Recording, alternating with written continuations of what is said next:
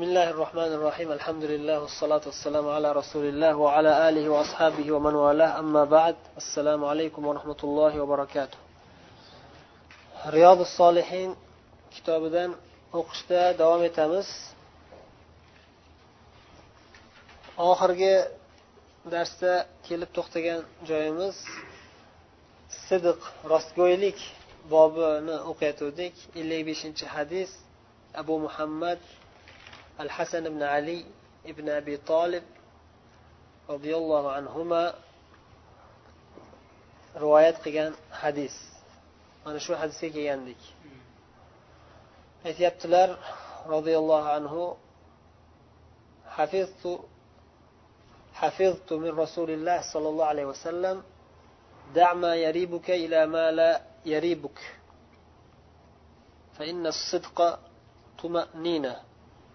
والكذب ريبة رواه الترمذي وقال حديث صحيح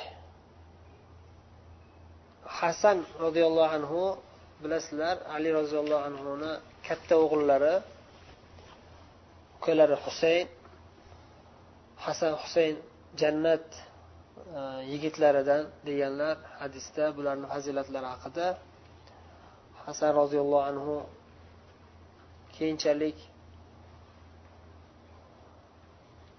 islom olamidagi eng buyuk ulamolardan bo'lib ham yetib chiqqanlar va hatto dadalari ali ibn abi tolib roziyallohu anhu o'g'illari hasanni fikr maslahatiga alohida e'tibor beradigan bo'ladilar ukalari husaynga nisbatan ancha kuchli aql zakovat jihatdan ilm jihatdan ancha kuchli bo'ladilar hasan roziyallohu anhu. Shu kishi rivoyat qilib aytyaptilarki rasululloh sollallohu alayhi vasallamdan quyidagi so'zlarini yodlab qoldim. Seni shubhalantirgan narsani tark etib seni shubhalantirmaydigan ochiq oydin narsaga moyil bo'lgin yoki o'sha ochiq oydin narsaga yurgin dedilar. Shunday tarjima qilsak to'g'ri bo'lsa kerak. Dama yaribuka seni shubhalantirgan narsani tark etgin. Ilama la seni shubhalantirmaydigan narsalarga burilgin. O'sha tarafga qarab yurgin.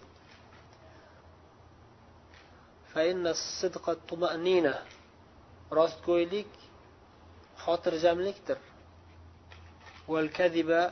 Riba yolg'on esa shubhadir. Ya'ni riba shak shubhali narsa degani. Kadiba riba. Nabay sodiqlik nimadir xotirjamlikdir. Va yolg'on gapirish esa shubhali odamni shubhaga solib qo'yadigan degan. Ya'ni xotirjamlik yo'qoladi. Bir narsada xotirjamlik yo'qolsa nima bo'ladi shubhalanib iztirob paydo bo'ladi. Iztirob xotirjamlik yo'qolib iztirob paydo bo'ladi. Hamma yog'ingiz rostgo'y bilan hamma yog'ingiz rostgo'ylik bilan bo'lsa hech narsadan qo'rqmaysiz. Oshing halol bo'lsa ko'chaga olib chiqib yegin degan gaplar shundan kelib chiqqan ya'ni. Xotirjamlikda rostgo'ylik xotirjamlik degan. Ya'ni agar qalbaki bo'lsa yolg'on ishlatilgan bo'lsa bilib qolarmikin degan narsa bilan shubhalanib turasiz qo'rqib turasiz xavfsirab turasiz hadiksirab turasiz iztirobda bo'lasiz. Rostgo'ylik deyaptilar xotirjamlikdir sobit qadamlikdir desa ham bo'ladi. Ya'ni rostgo'y bo'lgan odam sobit qadam turaveradi qo'rqmaydi. Yolg'on ishlatilgan narsa yolg'on ishlatilgan gap yolg'on ishlatilgan fe'llarda iztirob bor. Qalaq xavfsirash bor xotirjam bo'lolmaysiz ozgina yolg'on ozgina yolg'on ishlatib qo'yilgan bo'lsa ham iztirob paydo bo'ladi. Imom termiziy rivoyat qilganlar bu hadisni sahih hadis deganlar imom navoiy arbain navoiyada ham keltirganlar bu hadisni faqat qisqartirib keltirganlar ya'ni boshqa bir rivoyatini keltirganlar. Shariat ahkomlarida ham shu narsaga e'tibor beriladi. Mana bitta husaymin rahimaulloh shu narsani sharhda aytganlar ulamolarni umumiy qoidalar bor. Al yaqinu la yazulu bishak. Ishonch komil ishonch bo'lgan bir narsaga komil ishonch bo'lgan bo'lsa o'sha narsa yo'qolmaydi uni qarshisida shubhali narsalar paydo bo'lgani bilan. To bir aniq bir ishonchli xabar yoki ishonchli bir holat paydo bo'lmagunga qadar. Misol uchun bunga misol. Siz peshinga chiqib ketayotganingizda tahorat qilib chiqib ketdingiz. Peshin o'qib bo'ldingiz uyga keldingiz. Tushlik ovqatini yedingiz. Bola chaqangiz bilan yoki o'rtoqlaringiz bilan o'tirdingiz suhbatlashdingiz oradan ikki soat uch soat o'tdi. Xullas asr bo'ldi. Asrga ozon chaqirganda asrga chiqib ketishdan oldin tahoratim bormidi yo'qmidi deb o'yladingiz fikr qildingiz. Oradan ikki soat uch soat o'tuvdi. Siz peshinga chiqib ketganingizda tahorat qilganingiz aniq esingizda bor. Nima? Bu nima deyiladi? Peshinga chiqib ketayotganingizda aniq toat qilgan esingizda bo'lganligi bu ishonch to'la ishonch. Bilan ayta olasiz peshinga chiqib ketayotganimda toat qilganim aniq esimda yaqin. To'la ishonch bilan aytaman. Lekin tahoratim buzildimi yo'qmi? Tushlik ovqatini yegandan keyin tahoratim buzdimmi buzmadimmi? Esingizdan chiqdi chunki bir necha ishlarni qildingiz orada nimadir ish qilgan bo'lishingiz mumkin? Aniq eslolmayapsiz. Shubha bor. Shubha bor. Tahoratingiz buzilganini aniq eslolmadingiz. Tahoratingiz buzilganini aniq eslolmadingiz. Ehtimol bormi yo'qmi? Shubha bormi yo'qmi? Ehtimol bor balki tahoratingiz buzgan bo'lishingiz mumkin. Lekin shar'iy hukm bo'yicha shariat hukm bo'yicha bir qaror kelishi kerak. Boshqa ya'ni shariat unday tashlab qo'ymaydi muallaq holatda. Sizga yo'l ko'rsatadi. Mana shu yo'ldan yurgin. Qat'iy hech qanday shubhasiz yuravergin deb sizga fatvo beradi. Albatta fatvo berilishi kerak. Nima qilay desangiz nima deymiz? Al yaqin la yazul bishak. To'la ishonch shubha bilan bekorga chiqarilavermaydi. Ya'ni siz to'la ishonchingiz borki peshinga toat qilgansiz. Endi yangi shubha toat buzildimi yo'qmi degan shubha hali aniq bo'lmagan u avvalgi holatni buzmaydi. Ya'ni bu e'tiborga olinmaydi. Tahoratingiz bor deb hukm chiqaramiz. Savol. Ehtimol tahoratim buzilgandir. Qanday qilib namoz o'qiymiz? O'qiyvering tahoratingiz buzilgan bo'lsa ham alloh taolo kechiradi. Tahoratingiz bor deb hukm chiqariladi. Teskari holatdachi teskari holatda teskari holatki? Tahoratingiz buzganingiz aniq. Buzganingiz qachon aniqlandi? Asrga chiqib ketayotganingizda peshinda o'qidingiz tahoratsizlik asrga chiqqanda esga tushib qoldi yo'q misol uchun qarayapti. Peshinda o'qib keldingiz tahoratim bor deb o'ylab asrga boradigan paytingizda esingizga tushib qoldiki shu peshinda o'qibman aniq esga tushgan holat e'tiborga olinadi. Aniq esga tushgan holat e'tiborga olinadi. E, shak bo'lsachi shak bo'lsa e'tiborga olinmaydi. Ya'ni misol uchun qarang hozir bunga teskarisini ayting. Siz teskari bo'lsachi deganingizni man o'shani aytyapman deb. Ya'ni tahorat buzilgan holati esingizga tushdi. Yuz foiz tahoratim yo'q edi falonchi soatda soat o'n ikkida. Soat o'n ikkida tahoratim yo'qligi aniq. Yuz foiz eslayman lekin undan keyin tahorat qildimmi yo'qmi esimda yo'q. Tahorat o'n ikkida buzganingiz aniq. Nima bo'ldi? Aniq esingizdagi bor narsa e'tiborga olinadi. U ham bo'lsa tahoratingiz yo'q edi. Tahorat qilasiz va peshin o'qiysiz. Agar tahorat. Hmm. Agar shak bo'lsa o'qilmaydi. Yo'q oxirgi aniq narsani topishingiz kerak. Oxirgi aniq bitta narsa bo'lishi kerak. Baribir topishingiz kerak. Oxirgi bitta aniq narsa topiladi ya'ni namoz o'qiyotgan namozga kelamiz mana peshin o'qiyapsiz. Ya'ni bu zarur narsalar birodarlar darsimiz sal cho'zilsa ham u har kungi besh vaqt namozimizga taalluqli narsa siyosatku zarur emas ba'zi bir jihatlari lekin buni bilib olishingiz shart. Peshin o'qiyapsiz. Peshin o'qiyapsiz. Uchinchi rakatdan keyin tikka turib ketdingizmi o'tirdingizmi hozir tikka turibsiz oxiri bitta holatda turibsiz ya'ni hozir man uchinchi rakatdan tikka turdimmi yoki to'rtinchi rakatga turdimmi hozir? Shubhalanib qoldingiz qaysi birini olasiz? Aniqini olasiz ya'ni yaqiniga qaytasiz anig'i ikkinchi rakatdan keyin tikka turgansiz. Ya'ni uchinchi rakat turdingiz hozir. Hozirgi turishingiz uchinchi rakatmi yo to'rtinchi rakatmi shubhalanyapsizda siz hozir. Eng ozini olasiz anig'i o'sha uch rakat hisoblaysiz. Demak yana nima qilishingiz kerak?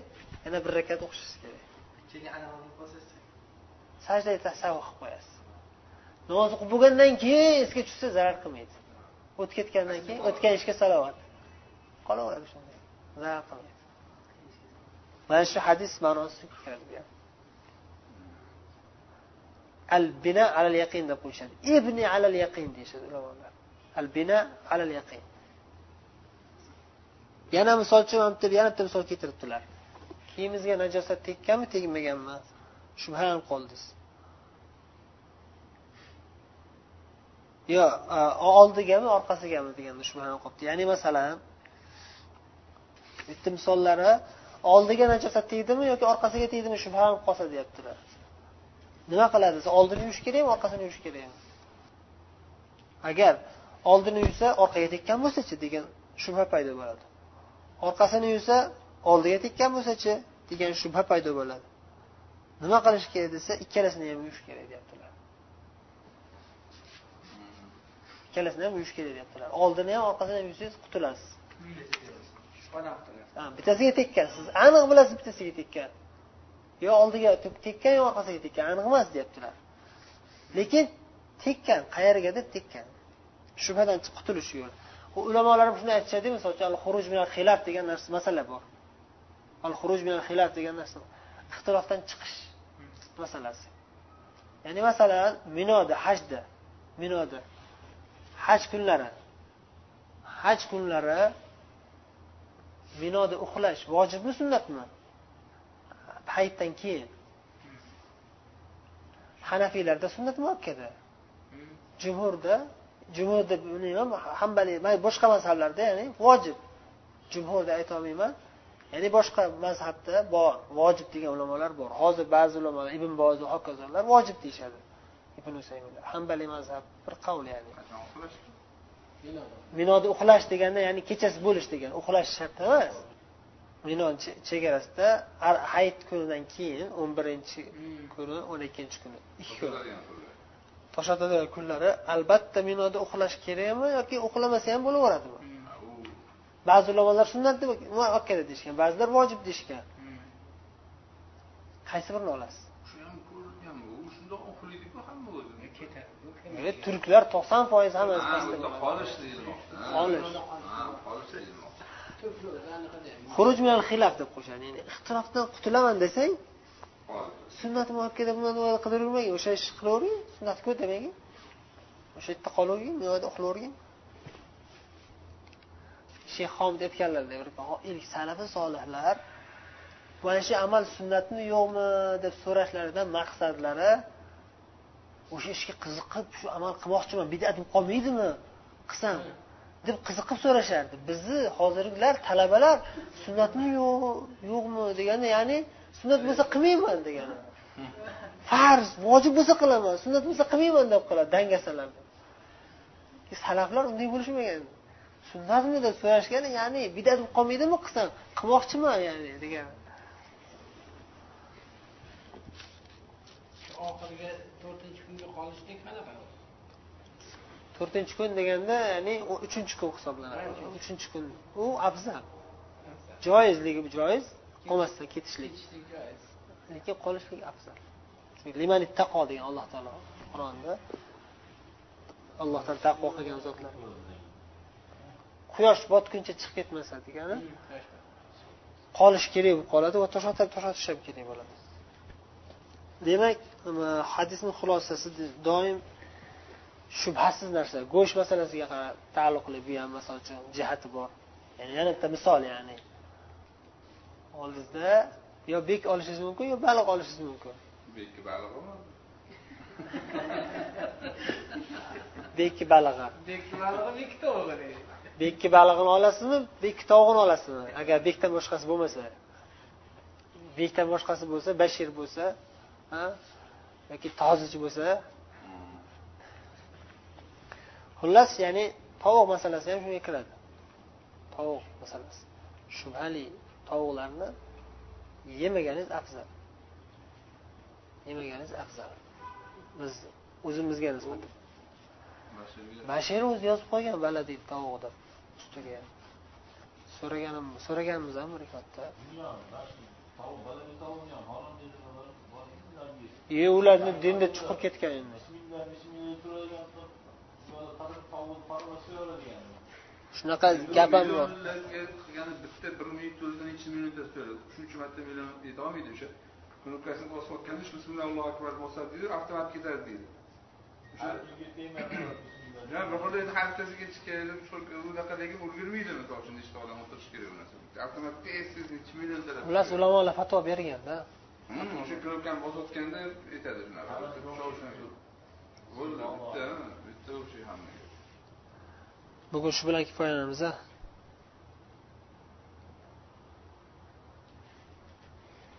سبحانك اللهم وبحمدك نشهد ان لا اله الا انت نستغفرك ونتوب اليك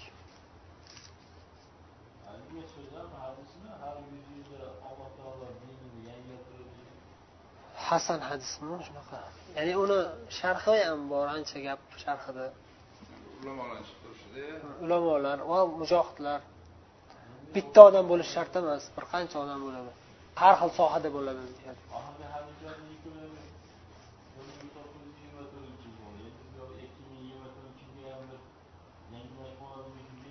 bizni shariatda melodiyga qaramaymizda uchinchi yil endi yigirma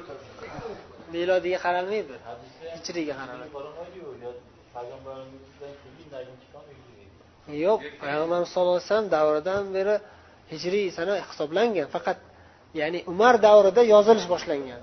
Umar davrida yozish boshlangan ya'ni qachondan boshlaymiz degan masalada ya'ni payg'ambar hijratlardan boshlaymiz degan gap bo'lgan. Lekin o'zi aslida hijriy sana hijriy sana bo'lgan muharram birinchi oy u deb odamlar bilgan bu narsani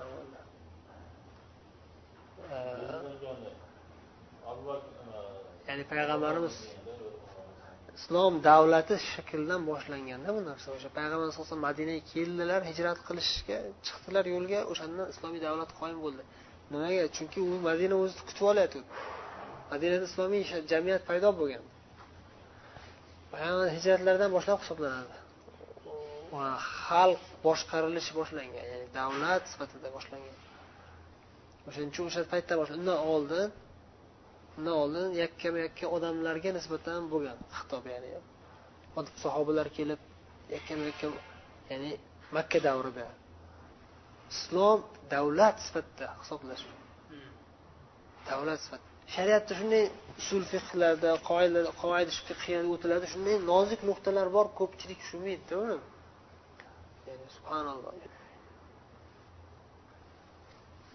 Davlat boshqarish masalasi ya'ni o'sha shu narsani nozik nuqtalarini tushunganligi uchun umar roziyallohu anhu davrida ali maslahatlar bilan islomiy davlat sifatida boshlangandan boshlab hisoblashgan hijriy sananida haligi hadis u o'sha har bir asr boshida olloh bu dinni yangilab turadiganlarni chiqaradi degan hadis o'sha birinchi o'rinda ilm ulamolar kiradi ikkinchi o'rinda keyin o'sha davlat boshqaradigan odamlar kiradi. Ya'ni umar ibn abdulaziz misol uchun. Bir yuz to'qson to'qqizinchi hijriydan boshlab bir yuz birinchi hijriygacha xalifa umar ibn abdulaziz ham olim bo'lganlar ham davlat boshqargan. Eng birinchi mujaddid sifatida shu kishini aytishadi payg'ambarimizdan keyin